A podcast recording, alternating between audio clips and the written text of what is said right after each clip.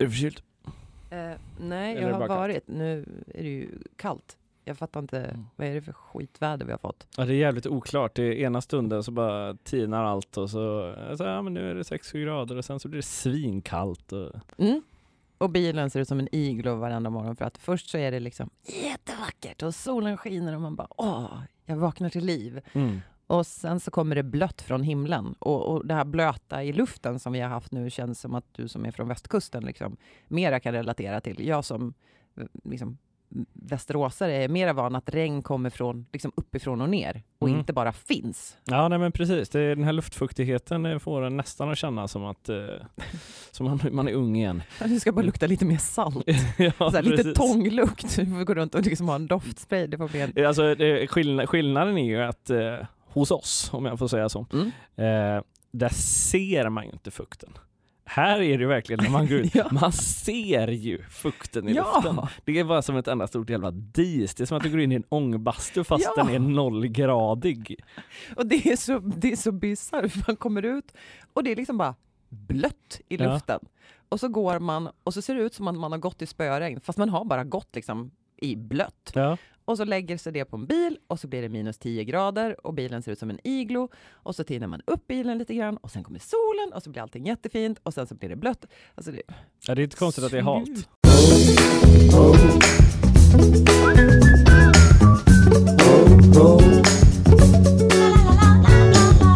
Hur tänkte ni där?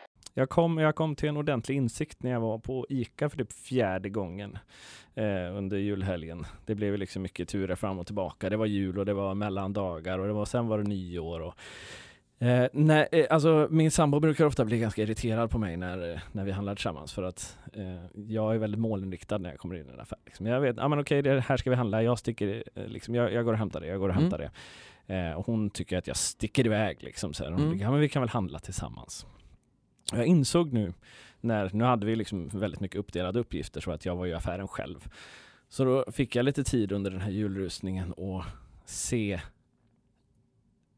det här fenomenet egentligen ur ett samhällsperspektiv. Mhm.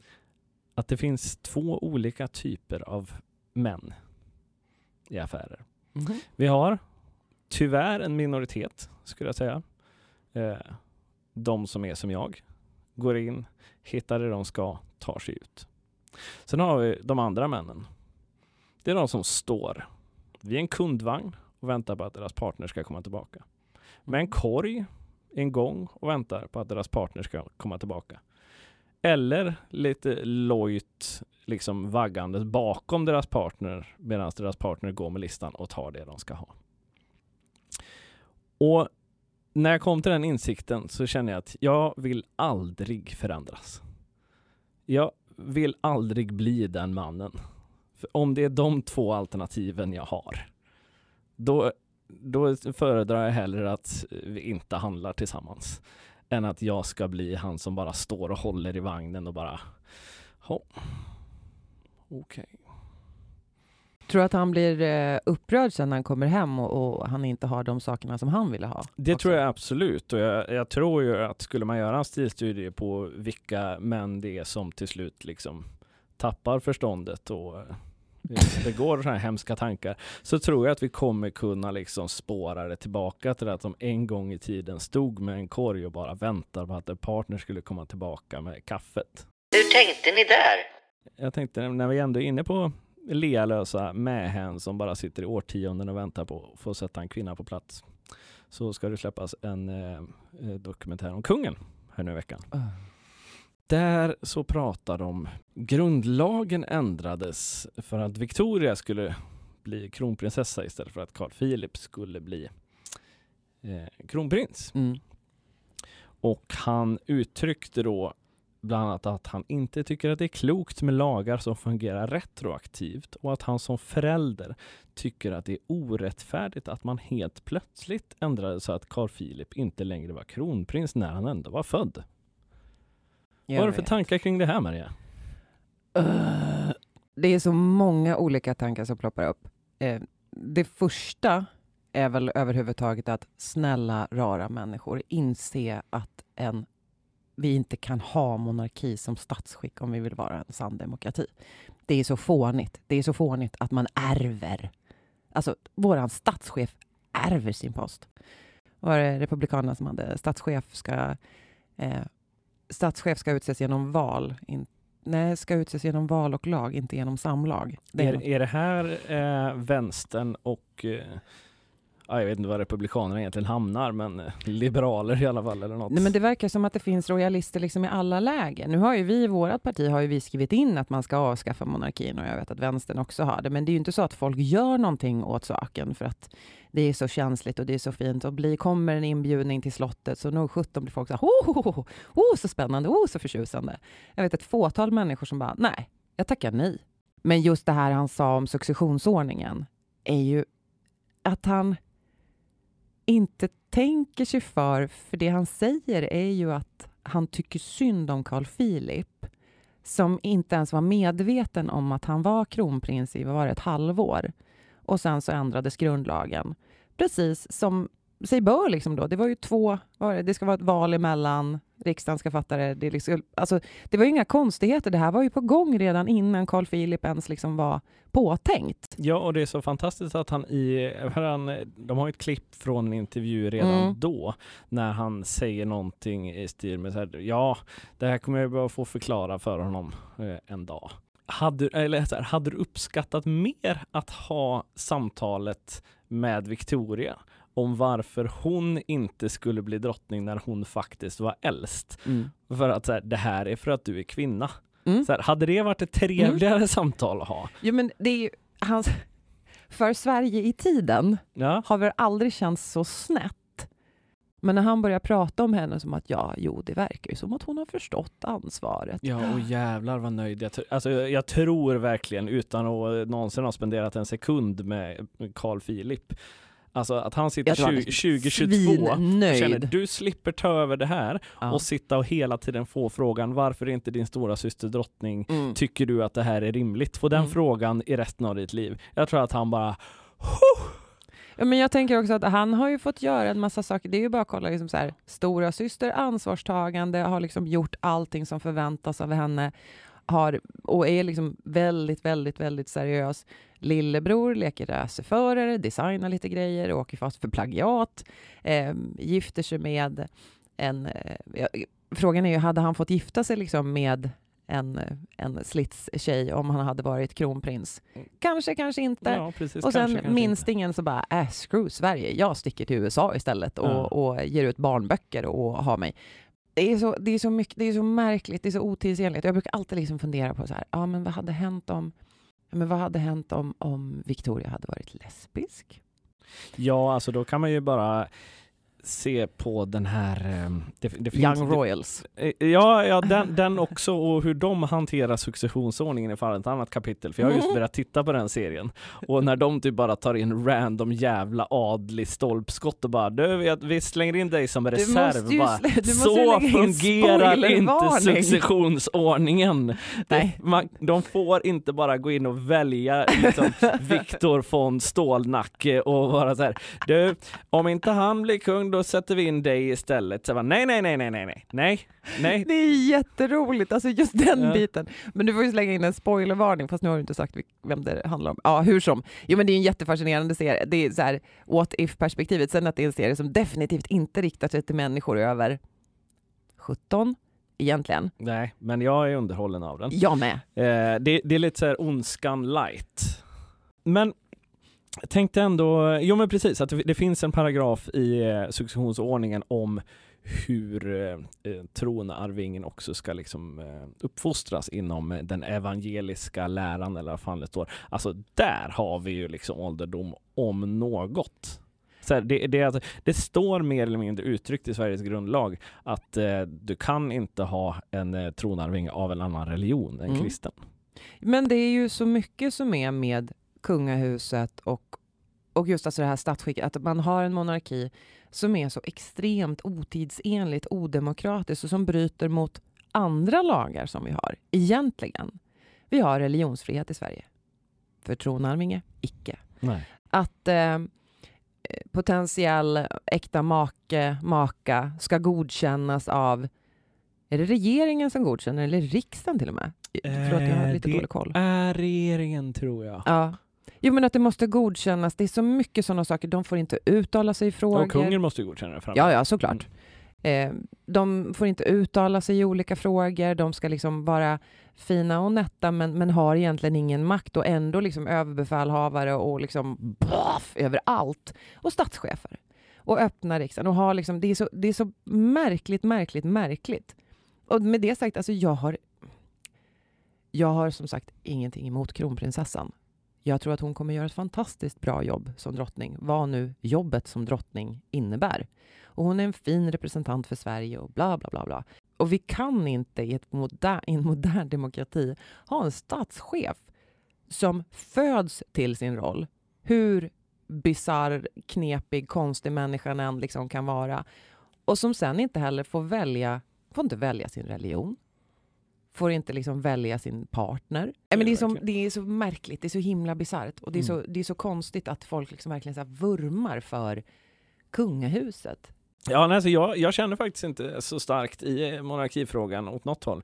Jag bryr mig inte riktigt, men det jag bryr mig om är att eh, statschefen vi har just nu är riktigt, riktigt korkad.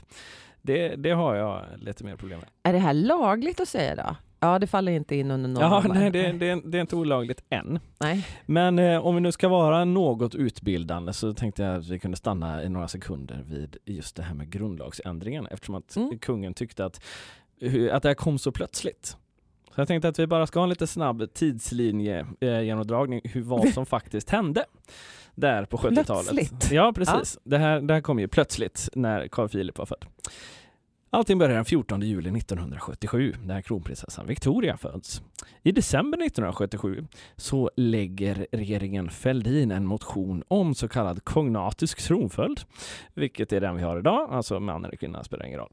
Eh, Det mest vänsterpartistiska jag hört hände då när VPK, som de hette då, eh, tycker inte bara att motionen ska avslås utan vi ska avskaffa hela jävla successionsordningen när den här motionen kommer upp. Men Eh, inte kungahuset? Eh, nej, i alla fall inte enligt Wikipedia. Eh, 20 april 1978 röstar riksdagen för detta med siffrorna 156-14. Ja, 135 ledamöter avstår eh, och eh, jag tror att det är 135 socialdemokrater. För att Socialdemokraterna har sagt att de skulle avstå och 135 låter rimligt Mm. eh, utifrån procenten som var då. Men då är det ju så här att en grundlag kan man inte bara ändra hur som helst i en riksdagsomröstning, utan det måste ju alltså ske en omröstning i riksdagen, sen ska ett riksdagsval ske, sen ska en ny omröstning i riksdagen ske. Det är bara så det funkar. Så när är då nästa riksdagsval? Jo, det är september 1979. I maj 1979, den 13, föds kronprins Carl Philip. Det är alltså så att i april 1978, när det här röstas, Sylvia är inte ens gravid. Filip är inte påtänkt när det här röstas igenom första gången. Så så jävla plötsligt är det inte. 16 september hålls riksdagsvalet och den 7 november röstar riksdagen igenom det här igen. Det här fanns ju mil bort. Det här var alltså förmodligen en diskussion som kom på tal när Victoria föddes. Jag tror att den diskussionen, den, den har ju Ja, funnits. ja, sä- säkert innan det, men då blev det liksom skarpt läge. Ja. Det, är, det är ju inte en slump att den här motionen kommer i december samma år som hon föds. Nej. Men att, att han då eh, säger att ja, så kommer det här helt plötsligt. Det är så här bara, ja, vadå, trodde du att det var ett skämt första gången riksdagen röstade igenom det här ett år innan? Det är så här bara, ja, men, Ja, men visst är det ja, men märkligt? herregud, en kvinna på tronen! Nej, men visst är det märkligt? Ja, och så, och så säger han, som förälder känns det här orättfärdigt. Så här, som förälder till vem? Hade det känts mer rättfärdigt att som sagt sitta med Victoria och förklara så här, så här ser det ut, du är kvinna, du är kass, så lillbrorsan blir kung. Mm. Alltså, för Sverige i tiden som sagt ja. Alltså han, han kastar ner det där pianot i det blå skåpet och bara fortsätter liksom att gräva. Ja, men det, det är så märkligt för det, det blir ju bara ännu, det blir ju bara mer fel när han pratar. Ska vi nu ha ett kungahus så är det väl givet att det är det äldsta barnet som ärver tronen. Mm. Det är det mest moderna i hela den här väldigt omoderna konstruktionen som kungahuset är. Nej, det är ju inte relevant för honom. Nej, det här, det viktiga är att Carl Philip Ja, alltså om Inte inte, ledsen. om inte någon hade påpekat för honom, vilket det säkert har påpekats ett par gånger i hans barndom, men om ingen hade gjort det, tror du han någonsin hade tagit upp frågan, vänta, varför är det inte jag som blir kung? Jag är ju man. Det hade han ju aldrig sagt. Han har säkert inte ens sagt det när det har påpekats. Han verkar ändå vara en okej person. Ja. Men alltså, nej, jag tycker eh, kungen, kungen i sig kan vi bara myggas av. Sen, sen som sagt, jag bryr mig inte så jäkla mycket om monarkin i sig. För mig är det en ganska viktig principfråga. Alltså det, det är principen där som jag tycker är oerhört viktig ur ett, eh, ja men ett demokratiskt perspektiv. Så, så kan vi inte ha en statschef som kommer till genom samlag. Det går inte. Nej, alltså att, att han faktiskt är statschef, det, Ja. det kan vi absolut. Hur tänkte ni där? Eh, Mm. har, har du något nyårslöfte då? Det har jag faktiskt. Jaha. Det är superfånigt. Vill du De brukar vara det. Ja, fast det här, det här är... Nej, jag kan inte berätta det. Jag Ja. kan inte faktiskt. Nej. Har du ett nyårslöfte? Ja, Berättar du för det? Nej. Nej. Jag hade... Jag, hade ehm, jag var barnledig över både jul och nyår. Nu firade jag ju ihop med barn. Alltså själva julafton var jag med barnen och juldagen och nyårsafton också. Men jag tog mig en så här djupdykning i romcoms. Såväl bra som dåliga. Mm. Nej, det här är så, det är så pinsamt. Jag tror att jag sitter och liksom är lite röd i ansiktet nu också. Ja, men berätta nu. Ja, jo, nej. Och då såg jag en film där någon sa det att ja, inom film så har vi t- eh, liksom två primära kvinnliga karaktärer. Vi har the leading lady och vi har bästa vännen. Och så säger då den här personen till eh, den huvud... Säg så här i filmen. Ja, i, Ja. eh, i filmen säger han. Han bara, och du måste förstå att du är egentligen en leading lady, men du beter dig som bästa vännen. Mhm. Och så svarar hon att ja, och i filmen om mitt liv så borde jag ju för 17 få spela huvudrollen. Ja. Så det var lite grann så här att ja, nej, jag tänker vara snällare mot mig själv helt enkelt. Okej. Det är mitt nyårslöfte. Det, det är väl inte fånigt? nej, Sen- fast, fast sen var, att var, du det behövde kom liksom 17 ifrån. timmar av Hallmark för att komma fram till det. annan men sak. precis. Men, Nej, nej men så här, var, var man kommer ifrån. Och så slog det mig, för då, det kom ju upp minnen på Facebook, och då har det varit lite sådär att, ja, nej men, eh, eh, det har varit ett nyårslöfte i flera omgångar. Bara att vara snällare mot sig själv. Att eh, liksom inte vara den största kritiken som finns. Och det tror jag är någonting som ganska många av oss har. Att man, man kan känna att man har bra självförtroende, men man har lite halvdålig självkänsla, eller att man ifrågasätter sig själv. Och så säger någon att nej men det där var ju jättebra. Och så börjar den här inre rösten bara, menar de det på riktigt? Eller, eller säger de bara det för att vara snälla? Var det här bra? Var det inte bra? Nej, fan vad dåligt det var. Och så drar man ner sig själv liksom i ett, i ett källarhål som är helt onödigt och som bara är destruktivt. Eh, och jag tror, att, jag tror att man får jobba på att vara snällare mot sig själv. Men några av de här filmerna var fruktansvärt dåliga. jo, men de flesta är ju det. Ja. Det finns, Ja, det ja. några guldkorn som den eh, av, av många eh, hatade Love actually. Jag Älskar älskar! Love actually. Ja, det är, det är liksom, det är ju, den är ju så himla bra. Ja, ja. Den är helt fantastisk. Ja, jag menar, alltså, f- folk som hatar den filmen, de eh, behöver ju bara säga ja till livet mer. Men du, vad var ditt nyårslöfte då? Alltså jag, har, alltså, jag har egentligen inget uttalat. Jag försökte tänka idag. Eh, så här, är det något jag borde ha? Eh, och det var väl egentligen en rak kontrast mot, eh, mot ditt, skulle man kunna säga. Inte att jag ska vara elakare mot mig själv, men utan att jag ska börja leva upp till mina egna förväntningar på mig själv. Fast det är ju, det är ju lite grann som mitt, fast då det rakt motsatta. Jag sa ju just det. Ja, det sa du ju faktiskt. Det var jag som tänkte fel. Ja. Ja, jag, jag, jag tänkte inte hela vägen, så tanken stannade. Ja, ja. Ja, nej men eh, eh, när vi kollade oss på nyårsafton där vi eh, tre, halv fyra tiden så konstaterade vi bara vilket jävla år. Eh, Mm. på, det har varit eh, mycket de djupaste av dalar och i, i vissa lägen också de högstaste av toppar men eh, mycket har hamnat åt, eh, åt sidan så att säga. Eh, så jag tänker liksom bara komma i fas Mm. med allt igen. Det är bra. Det är Mm. ett bra nyårslöfte. Hur tänkte ni där? Men eh, vi var ju inne på kungen och eh, en annan gammal människa som kanske har gjort sitt. Det är ju Elisabeth Höglund. Mm. Hon, eh, den aktade journalisten, utrikeskåren och flerfaldiga På spåret-vinnaren. Det visade sig den 30 december förra året att eh, hon har tydligen en blogg. Anledningen till att ingen visste det innan var att hon inte hade skrivit någonting någon brydde sig om. Tills hon nu valde att eh, gå till attack, kan man väl säga, mot eh, inte bara Jenny Strömstedt utan även andra kvinnor som blivit utsatta för sexuella övergrepp. Ett citat därifrån. Nu är jag trött på alla kvinnor som ska bekänna att de har utsatts för sexuella övergrepp i ungdomen. Vem fan utsatte sig inte för risker när man var ung och dum? Det hon har skrivit är ju helt bisarrt. Det är så, det är så vanvettigt korkat. Alltså det är victim blaming och det är skuldbeläggande av offret.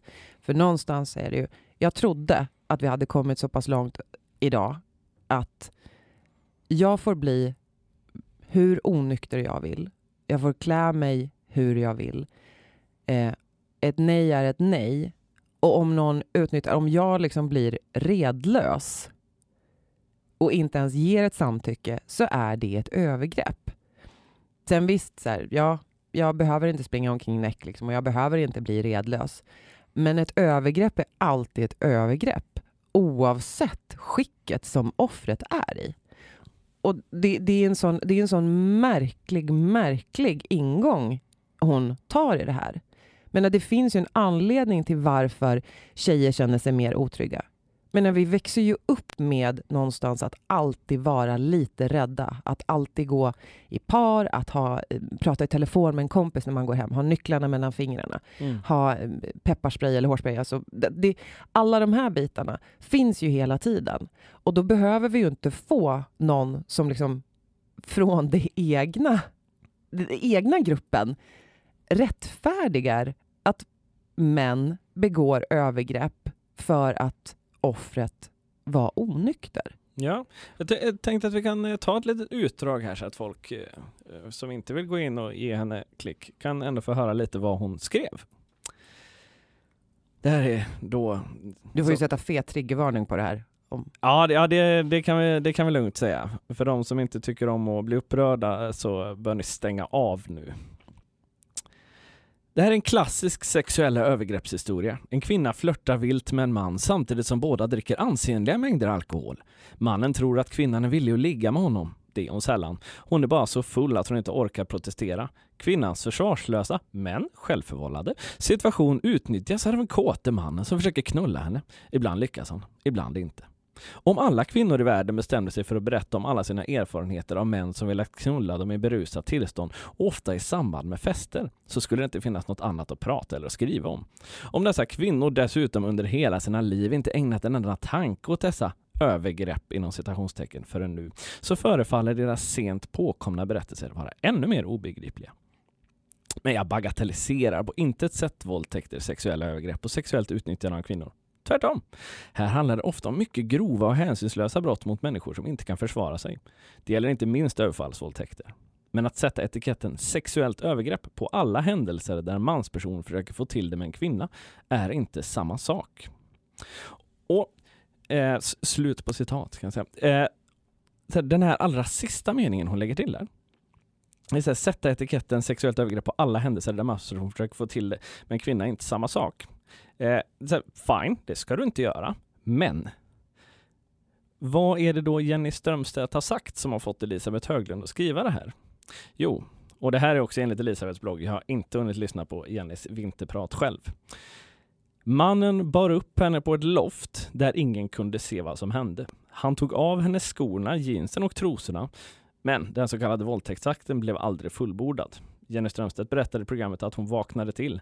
Mannen hade tydligen problem eftersom att den medvetslösa kropp han lagt framför sig inte var inställd på sex. Det blev alltså ingen fullbordad våldtäkt. Ändå beskrev hon händelsen som en våldtäkt eller i vart fall ett sexuellt övergrepp. Hon erkände samtidigt att hon hade varit berusad och att hon hade flörtat med mannen vid middagsbordet. Alltså, hur är det här inte ett sexuellt övergrepp? Alltså, det här är alltså inte, inte så att Jenny har sagt någonting och så har Elisabeth inte riktigt uppfattat det här. Nej. Utan hon skriver att Jenny säger att hon medvetslös blev uppburen på ett loft och avklädd. Men det här är inte ett sexuellt övergrepp i hennes värld. Jag tänker att hon har en väldigt, väldigt skev syn och jag vet inte vad det är som har gjort att hon liksom inte värderar den enskilda individens integritet mer. För det är ju ett sexuellt övergrepp. Det är definitivt ett sexuellt gud, övergrepp. ja. Det är en ganska grov kränkning. Nu kunde han inte fullborda liksom våldtäkten, men det spelar ju ingen roll, för det är ett sexuellt övergrepp. Och det hon skriver om att skulle alla kvinnor dra fram saker där män har försökt så skulle vi inte prata om någon. Nej, men det kanske vi behöver göra, för någonstans så uppfostras vi ju till att som kvinna ta ansvar för inte bara den egna rollen i det hela, utan också bär ett ansvar för mannens reaktion. Och det är så märkligt. Det är så otroligt märkligt att det, var också fort, att, att det fortsatte på det sättet. Eh, och att det ständigt ifrågasätts. Vad hade du på dig? Vad hade du gjort? Hur är det? Nu tror jag att man i domstolar inte längre frågar vad ett våldtäktsoffer hade på sig.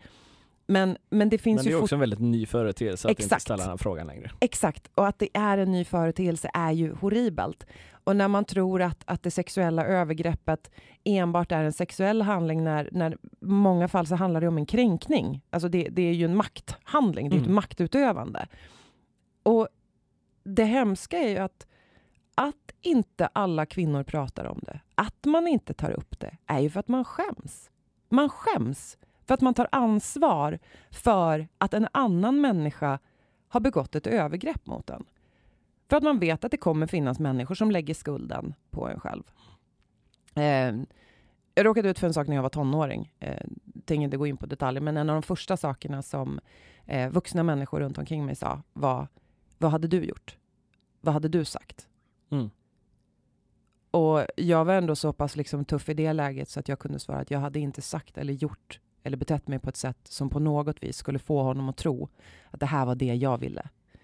Eh, men det var den reaktionen som kom. Nej, jag tycker att det är fruktansvärt att de säger så. Och jag- just det här att det finns, jag känner inte någon, tror jag, som inte någon gång har blivit utsatt för eh, hela vägen liksom till fullbordad våldtäkt, men, men också liksom upp på ovälkommet tafsande, eh, ovälkomna närmanden Mm. och i princip alltid när man har försökt avvisa, så, särskilt om det är en berusad man, så har ju avvisandet har kunnat resultera i verbala och ibland också liksom fysiska kränkningar i sig. Så att det är så märkligt att en kvinna med den långa erfarenheten som hon har som skriver en sån sak och på nytt då kränker en mängd människor som kanske, det kanske har tagit 20 år, det kanske har tagit 40 år, det kanske har tagit 50-70 år innan man vågar säga vad som hände. Mm. Eh, men det spelar ingen roll. För även om det finns en preskriptionstid på själva brottet så finns det ju liksom inte en preskriptionstid på, på de R som offren har fått. Så att nej, det här är... Ja. Hon avslutar ju själva blogginlägget med eh, följande. Fallet Jenny Strömstedt, det är en klassiker. Det hon idag kallar våldtäkt alternativt sexuellt övergrepp var hon i själv i högsta grad medskyldig till. Hon hade druckit sig berusad, hon hade flörtat och fått bordskavaleren att tro att hon ville ligga med honom. Att det sen aldrig blev så ska hon vara glad för idag. Hur tänkte ni där? Alltså, jag... Alltså, det, det jag, den ingången jag hade när jag läste den här var Tänk om det här hade varit en tjej som kommer och berättar om det här för sin mamma. Och mamman är Elisabeth Höglund. Alltså att man, man berättar om det här, jag blev alldeles för full, en kille eh, bar upp mig på ett loft, klädde av mig där och försökte ha sex med mig. Det gick inte som tur var, men alltså att och att ens mamma i det här läget svarar, "Men- ja men det får du väl vara glad för att han inte Mm. låg med dig. Du får ju dricka mindre nästa gång och kanske inte flörta så mycket. Mm. Alltså det är du sjuk i huvudet Elisabeth Höglund? Men det är ju. Alltså jag skrattar åt det här, men det, det är ju egentligen fruktansvärt. För det hon säger är ju begränsa ditt utrymme. Gör dig själv lite mindre. Ta inte så mycket plats. Ta inte friheter. Var alltid beredd på det värsta. Och lev därför ditt liv mindre och smalare av respekt för att män inte kan hantera sitt. Ja, och alltså det här är inte, som hon själv beskriver det, en händelse där en mansperson försöker få till det med en kvinna. Så här, det, det är inte så här, ge- gemene flörtförsök är inte bär upp en medvetslös Nej. kvinna till ett loft och klavane. Eh, och hade det varit det, då skulle vi absolut sätta etiketten sexuellt övergrepp på alla gånger när manspersoner har försökt få, få till det. Alltså det, det här är ju jätteviktigt att vi tar upp de här sakerna. Alltså, Mm. Ja, jag har sett, jag har säkert till och med varit eh, någon som eh, inte har eh, liksom fattat en hint i något läge ute på krogen. Och att, alltså en sån här sak som metoo, det var jätteviktigt att Mm. liksom öppna ögonen för oss män och inse att fan shit, vi kanske ska... Jo, men alltså så här, jag tänker också att män... I de här diskussionerna så kommer det alltid upp någon som säger inte alla män. Nej, Nej men det är klart. inte alla män. Absolut inte alla män. Men jag anser att det manliga kollektivet har ett ansvar. Alltså ett gemensamt ansvar där någonstans ändå. För att om man ryggdunkar... Alltså det, det handlar om hur man pratar om kvinnor, hur man pratar om sex, hur man pratar om tidigare, alltså ex. Det, det handlar om så många små delar där man som man kanske ibland behöver säga, men du, var det där okej? Är det där okej att säga? Är det här liksom schysst? Och då slänger vi också in att ja, men 10% av alla män har köpt sex någon gång och rättfärdigar det med att de inte får ha sex. Sex är inte en mänsklig rättighet. Det är absolut inte en mänsklig rättighet. Och, och därför så kan man inte bete sig på det sättet. Så att jag, det blir så mycket större, men att, att vända alltihopa och att lägga det på offret på det sättet som Elisabeth Höglund gör, det är fruktansvärt. Ja men verkligen. Och det är klart att det finns olika grader av det där också, det här kollektiva ansvaret. De här liksom man eh, skrattar med och man ryggdunkar någon som liksom ja, men, går lite för långt mot någon tjej. Eller, att, det, där är det verkligen, där snackar vi liksom direkt kollektivt ansvar. Eh, sen så är det, är det klart att det finns ju nyanser av det. Jag tycker Ja, det är skillnad på om eh, ett, ett 18-19-årigt grabbgäng som kanske inte riktigt har ett helhetsperspektiv. Eh, ja, men ett, ett, ett vuxnare perspektiv Mm. på det. Nu ska det verkligen inte sägas att man kommer ur det här bara för att man är vuxen. Men jag tror ändå att man kan få ett större liksom, konsekvenstänk. Vad, liksom, vad innebär det här? Jag, jag ser det som, det är en annan sak och jag sitter idag och skämtar med mina vänner än om jag hade gjort det för tio år sedan. För Ja, att vi, vi, har, vi har liksom ett annan eh, Alltså vi, vi vet var vi, an, var vi är som personer Mm. på ett annat sätt. Eh, men absolut, det, det här när sådana här saker sker, att man faktiskt eh, vågar säga till och liksom säga att det där, det där tycker inte jag är okej. liksom. Mm. eh, alltså framförallt när, när det sker på riktigt. På samma sätt, det, det borde ju vara lika självklart som de allra flesta tjejer säger så här, men du ska inte gå hem själv, eh, ring mig, vi pratar på vägen, eh, var är du någonstans nu, hur ser det ut? Alltså att, att man har det tänket. Gå inte den vägen, gå den här vägen. Ja, den är två kilometer längre, men då går du liksom bara ge- genom hus. Du behöver inte gå på någon skogsväg. Alltså alla de bitarna. De bitarna liksom tar kvinnor ansvar för hela tiden. Ja. Och då tycker jag då är det väl ganska givet att män också ska kunna ta ansvar, alltså att, att vara sina vänners moral, eller inte moral, men att, men precis som du säger, att man säger stopp, stopp, stopp, det där är inte okej. Och den här extrema hänsynslösheten och extrema bristen på empati och förståelse för offren och för varför det tar tid innan någon kommer ut och berättar om det, är helt makabert. Ja, alltså det här är inte tolkningar. Det är ju liksom en sak att hon skriver att det här är en självförvållad situation och att hon är medskyldig. Alltså det, är- det, det, är, alltså det är ett, så stort steg bakåt i utvecklingen. Bara, att det här skrivs. Hon kanske är inspirerad av kungen. Hon Ja, kanske tycker att ja, saker men har hänt lite plötsligt. Precis. Ja, samma. Jag, menar, jag ska väl också kunna gå tillbaka och backa upp mina gamla uttalanden. Hur tänkte ni där? Ja, nej men eh, nu har vi ett nytt år. Vad förväntar du dig? Ew. Det var svårt. Jag hoppas ju framför allt att situationen i Ukraina löser sig snart. Hoppas, önskar, vill. Ehm, fred på jorden. Nej, men, men Förväntar du dig det?